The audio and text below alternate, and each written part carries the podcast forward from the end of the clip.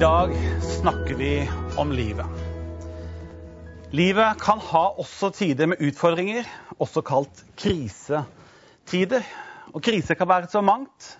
Nå er vi i en unik tid. Kan krisetid også være hviletid? Jeg tenker at krisetid er en prioriteringstid. I Matteus 14, fra vers 12 til 27, så står det om Jesus at han ville være for seg selv. Han hadde nettopp fått beskjed om at døperen Johannes var blitt henrettet. Og Jesus var på den tiden sliten, og nå hadde han også behov for å trekke seg til side for å sørge. Så han eh, ber disiplene om å få lov til å ta båten over til andre siden av sjøen, til et sted som han kalte et øde sted. Når de kommer over med båten til dette såkalt øde stedet, så er det ikke så øde. Folk hadde hørt at Jesus hadde satt kursen dit. De hadde tatt det godt til fots. Så når Jesus kommer dit, er det over 5000 mennesker som står forventningsfulle og med masse behov og venter på ham. Jesus ser dem, og han får inderlig medynk og medfølelse for dem. Han legger til side sitt eget behov, og så begynner han å hjelpe folket. Han helbreder de syke blant dem. Og sånn holdt han på helt fram til kvelden. Den dagen den avsluttet med at fem brød og to fisker blir mat til hele folkemengden. Men når natten nærmer seg, så ber han disiplene om å ta båten og dra tilbake igjen på andre siden, mens han selv ble igjen og sendte folket hjem. Endelig var det stille. Da kvelden kom, står det, var han der alene. Men ute på sjøen, der er det action. Disiplene har opplevd at det har blåst opp. Det er masse bølger, det er sterk motvind, og det begynner å bli mørkt. Flere av disiplene i båten de var erfarne sjøfolk. Men stemningen var nå blitt laber, og kreftene de var i ferd med å ebbe ut. Bølgene slo imot, og motvinden var sterk. Og det gjorde at de knapt kom seg noen vei. Jeg vet ikke om du også har kjent på den fortvilelsen når du kjenner at nå kommer jeg bare ingen vei. Det er mørkt. Bølgene, og motvinden, alt går imot meg, og motet begynner å forsvinne. Disiplene visste jo ikke på det tidspunktet at på den stranden som de hadde forlatt for noen timer siden, så var noe utenkelig i ferd med å skje. Men la meg komme tilbake til det. Krisetid, sa jeg, er prioriteringstid. Vi må prioritere rett i krise. Men krisetid er også bønnetid. Verdenshistorien forteller om lokale kriser og globale kriser. Koronaviruset har ført til både en lokal og en global krise. Den rammer oss som enkeltmennesker, og den rammer oss som samfunn. Det rammer oss fysisk og psykisk, og det rammer oss materielt. Det er jo sånn Så lenge vi har kontroll, så lenge vi har oversikt, oppfører vi mennesker oss som om vi nesten er usårbare. Men alt som trengtes, det var en fiende som var så liten at du må ha et mikroskop for å oppdage det. Det lille, knøttlille lille fienden evnet å snu hele vår verden på hodet. Plutselig er hele verden trua. Hverdagen vår snus opp ned. Helse, jobb, økonomi, til og med framtiden vår trues. Vi opplever å håndtere dette forskjellig. Men vi er alle i en situasjon hvor fellesskapet, som vi alle er en del av, vi må trå til, og vi må beskytte og hjelpe hverandre. Personlig har jeg lyst til å uttrykke en takknemlighet for at vi har kompetente mennesker som nå bruker sine evner for å lede så trygt og så klokt de kan at vi har helsepersonell som jobber på spreng for å være der nøden er størst. Det at vi har forskere som utrettelig jobber nå i disse dager for å utvikle utstyr, medisiner og vaksiner. Mennesker innenfor mange faktorer og sektorer i samfunnet vårt bidrar på at vi skal ha det best mulig i en vanskelig tid. Og så pågår det et viktig internasjonalt samarbeid. Jeg tenker tusen takk for at det er så mange som tar denne jobben i vår tid. Jeg vet at mange underveis, og sikkert også etterkant, vil kritisere de som i disse dager har ansvar for å lede oss gjennom et terreng som ingen av oss har vært i før. Det er litt sånn som barn som gjennom alle tider har hatt luksusen av å kritisere foreldrene sine for hvordan de løste foreldreoppgaven. Det er jo så lett å være etterpåklok. Og jeg tenker bare vent du skal bli foreldre sjøl. Jeg har lyst til å takke statsminister Erna. Jeg har lyst til å takke regjeringen og alle de som tar stort ansvar i disse dager. Og jeg tenker at jeg fortsatt skal takke dem når denne krisen er over. For det er helt sikkert mye vi kan lære av dette. Men jeg har ikke lyst til å bruke etterpåklokskap imot de som må lære raskt nå mens krisen pågår. Det finnes ingen perfekte foreldre. Det finnes ingen perfekte ledere. Men jeg velger å vise tillit og respekt for de som av hele hjertet jobber for vårt beste. Det er på plass med ærlige spørsmål, åpne spørsmål. Det er lov å tenke forskjellig. Det er lov i disse dager. Men jeg tenker det er samtidig viktig at vi sitter rundt samme bord, på samme side av bordet. At vi får til å stå sammen og rett og slett gjøre alt vi kan for å gjøre hverandre klokere, tryggere og bedre. Fordi jeg tror på Guds hjelp. Fordi jeg tror at Gud har bedt oss om å be, at det ligger en kraft i å be. Så tror jeg at det er viktig for meg og for oss alle at vi ber for våre ledere om klokskap og styrke og råd i disse tider. For krisetid er bønnetid. Men krisetid er også praksistid. Under andre verdenskrig ble det oppretta en tysk fangeleir på norsk jord. Den fikk navnet Grini. På det meste satt det 5400 mennesker på Grini. 600 av dem var kvinner. Til sammen var over 20 000 mennesker innom her i løpet av de fire årene denne fangeleiren fungerte. En av de som satt der, han var en prest. Han het Christian Schjelderup. I denne leiren var all religiøs virksomhet strengt forbudt. Bibel og salmebok ble konfiskert. Men i hemmelighet samlet disse her seg i et kjellerrom i vaskeribrakka. De var først bare to-tre stykker. Men snart vokste hele gruppen til mot 80 stykker mennesker. Etter en stund ble de oppdaget, og det ble hardt straffa. Men de ventet bare til tinga roa seg litt, og så var de i gang igjen. Christian Schjelderup skriver en bok fra 1945, flere taler som han holdt i fangeleiren. Tale nummer to den kaller han 'Et menneske søker fotfeste'. Hør innledningen, som kanskje blei forkynt prekt hviskende i kjelleren i vaskeribrakka. Hva er meningen med livet? Når vi ser på alt ondt som øves i vår verden, all urett og vold, all menneskelig nød og lidelse, som øker med hver dag og hver time, så kan det nok være noen hver av oss som kjenner stunder hvor all vår tro på livets mening og verdi liksom svinner bort i intet. Og hvor hvert fotfeste, det glipper. Og vi i angst vi må spørre har vel menneskelivet overhodet noen mening? Det er dramatiske ord, men vi må huske at det ble sagt under dramatiske forhold i en tysk fangeleir. Hele livet sånn som de hadde kjent det var ut av det blå plutselig snudd på hodet.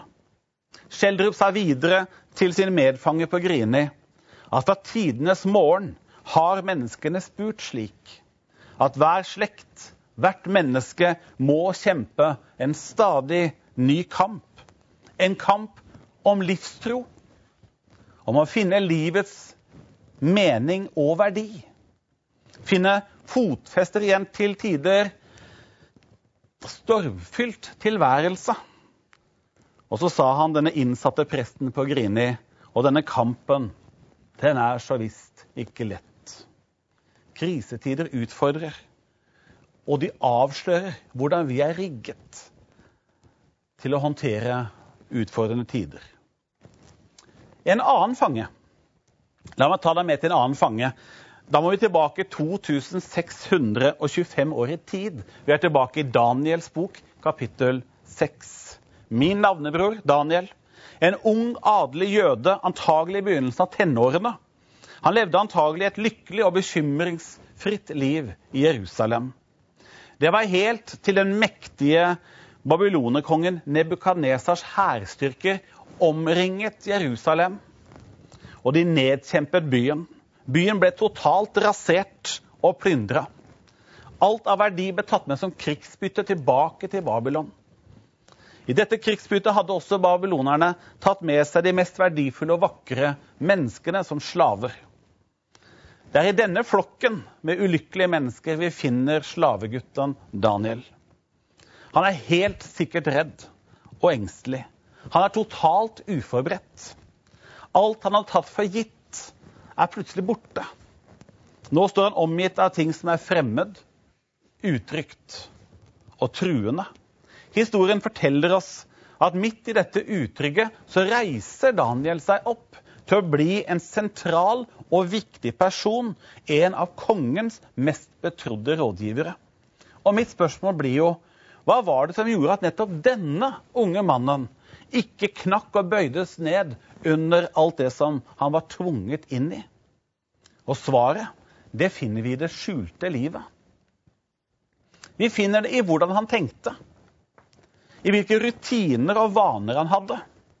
Vi finner svaret i at han hadde en tro som han aldri lot dø, og et håp som han lente seg til. Det står i Daniels bok at han hadde vinduene mot Jerusalem åpne fordi han så mot dem og bar et håp om en framtid. Husk at tro og håp, det må næres. Sånn som alt annet som skal leve, som skal vokse og være sterkt, så trenger det næring. Og det er investeringen vi gjør i disse tider, i det indre livet, det er det som avsløres når rammeverket som vi har rundt oss i hverdagen, plutselig tas bort. Det er slik som skjer når krise rammer oss. Da ser vi hvor sterkt liv vi har bygd. Dette kom til konkret uttrykk i en episode i Daniels liv. Han var en av de tre nærmeste rådgiverne til kongen. Og fordi han var dyktigere enn de andre, så var de andre rådgiverne misunnelige på han. Og For å få han fjerna innførte de en meningsløs regel som de fikk kongen til å bli med på. og Det var at det i 30 dager så var det ikke lov til å be til noen annen gud eller noe annet menneske enn til kongen. Daniel var en klok mann. Han hadde høy integritet og høy karakter. Det var hans skjulte vennskap med Gud som dypest sett hadde formet han.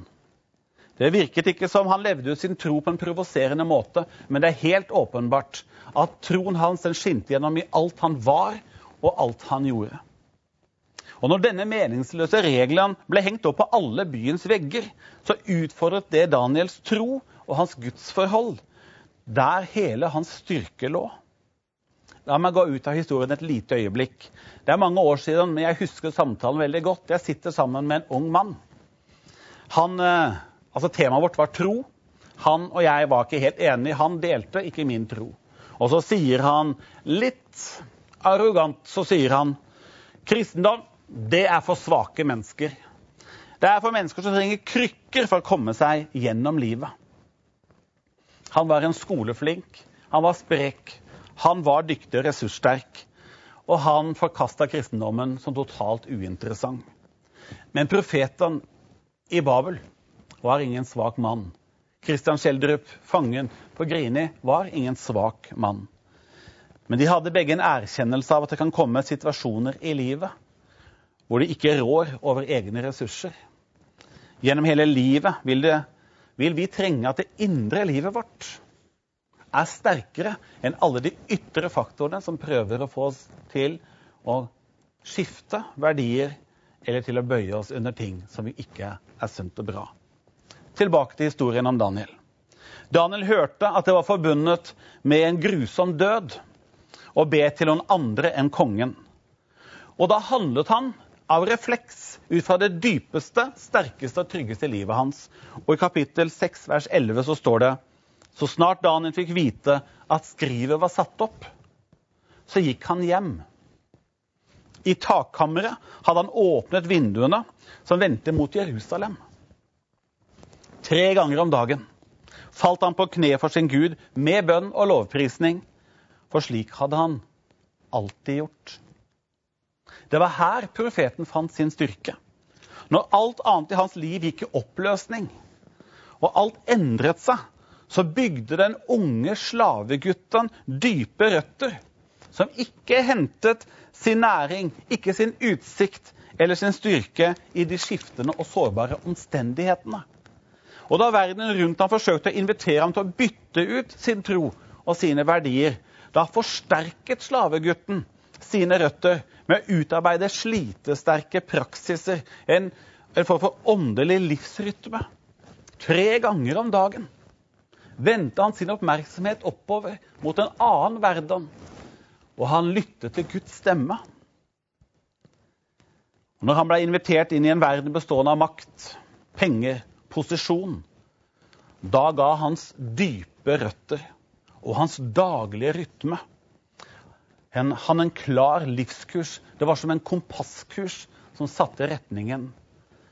Den førte ham slett ikke alltid utenom utfordringene, men den førte ham alltid trygt igjennom.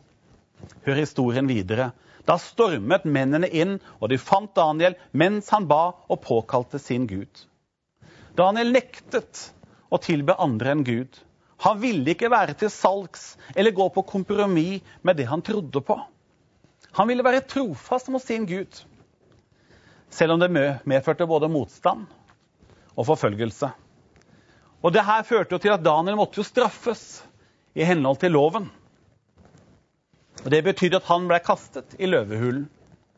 Og Det var ikke en overtent og ivrig, hodeløs ungdom som ble bundet og ført til sin sikre død. Nei, det var en prøvet mann som hadde tjent under fire konger i Babel. Han var sannsynligvis rundt 80 år. Og kongen hadde så stor respekt for han at han vurderte å sette den aldrende mannen over alt i hele riket. Flere ganger når folk så på Daniel, står det, så sa de forhindret ting som det er en usedvanlig ånd i han. Eller så sa de i ham er gudenes ånd. Eller han har de hellige guders ånd. De så at det var noe eget med Daniel. Og det var denne Guds kjempe som ble ført frem til hulen med de sultne løvene. Og han gikk ikke støtte til krykker. Nei, han gikk båret av en tro på sin Gud og villig til å dø for sin Gud. Og så er jo historien at kongen var fortvilet over at han hadde blitt lurt til å utstede denne håpløse og meningsløse loven som nå rammet hans mest betrodde rådgiver. Hele natten gikk han bekymret og rastløs omkring. Og når solen begynte å stige opp om morgenen, så løp han ned til løvehulen, og han ropte ned inni den løvehulen med angst i stemmen. Daniel, du tjener for den levende Gud. Har din Gud, som du stadig dyrker, kunnet berge deg fra løvene? Inne fra løvehulen, omgitt av sultne rovdyr, høres det svar. Lenge leve kongen! Min Gud sendte sin engel og lukket løvenes gap, så de har ikke skadet meg. Krisetid er Kristustid. Hvordan gikk det med disse her bekymrede og slitne disiplene i båten? De visste ikke at mens de i nattemørket brukte de siste kreftene de hadde i møte med bølger og motvind, så hadde Jesus reist seg. Han gikk over stranden og ut mot den mørke sjøen. Han hadde nettopp vært alene med sin himmelske far. Og hvilken forunderlig kraft det ligger i denne skjulte dimensjonen når Gud og mennesker får være sammen. Den invitasjonen Gud har gitt til oss alle. At vi får lov til å kunne være sammen med Han alene. Denne dagen, denne natten, så går Jesus over stranden. Og han setter ikke foten i sjøen, men han setter den på sjøen. Ett skritt, ett skritt til. Skaperverket lyder skaperen. Og gjennom nattemørket går han. Vinden og bølgene de bøyer seg for skaperen idet han går utover sjøen. De slitne disiplene de er opptatt med sitt eget strev, aner selvsagt ingenting om dette. Ikke før de ser et eller annet som kommer gående mot dem på sjøen. Og fordi de ikke forstår hva det er, så roper de angst. Men så er det en kjent stemme som svarer dem gjennom mørket og bølgene og vinden. Vær ved godt mot. Det er bare meg. Vær ikke redd. Mitt budskap til deg og meg i dag, det er krisetider er prioriteringstider. I krisetider er det bølger og motvind som vil komme, og det gjør noe med oss alle. Og fokuset vårt vil fort trekkes mot utfordringene, mot slitenhet, begrensninger og smerte. Og jeg snakker ikke lett om det. Men mange av Guds løfter er knyttet til nettopp slike situasjoner. Derfor er krisetider også tider hvor vi trenger å prioritere hvilket fokus vi vil ha. Krisetid er bønnetid. Det er viktig i krisetid at Guds kirke er en bedende kirke. For i krise da vender Guds folk blikket oppover. Far, han har all makt i himmel og på jord. Og det er bønn både for seg selv, for andre, for regjeringen, for land og for verden. Og bønn må ikke bare være fokusert på behov, men det må også være tilbedelsen og takken og lovsangen som hjelper oss å se et større bilde enn bare øyeblikkets smerte. Krisetid er praksistid. To fanger viste oss kraften i det skjulte livet med Gud og nødvendigheten av slitesterke praksiser. Hør, du som tenker om deg selv at du ikke tror. Troen er en gave. Og jeg undres på om det ikke ligger en spire av denne gaven et sted. Dypt der inne også i deg.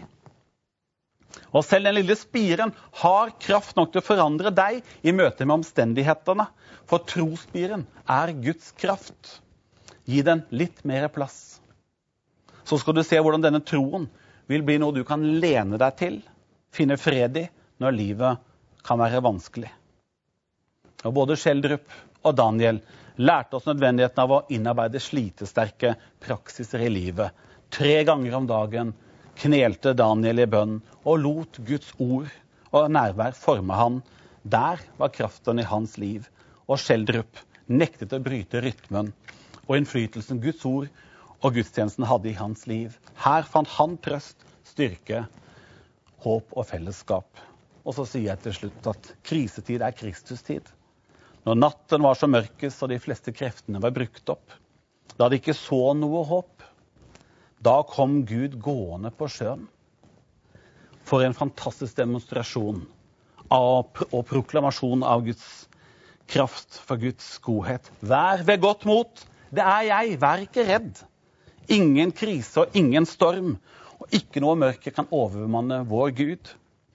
Jorden har ingen sorg, ikke himmelen kan lege. Jorden har ingen utfordring, ikke himmelen kan overvinne.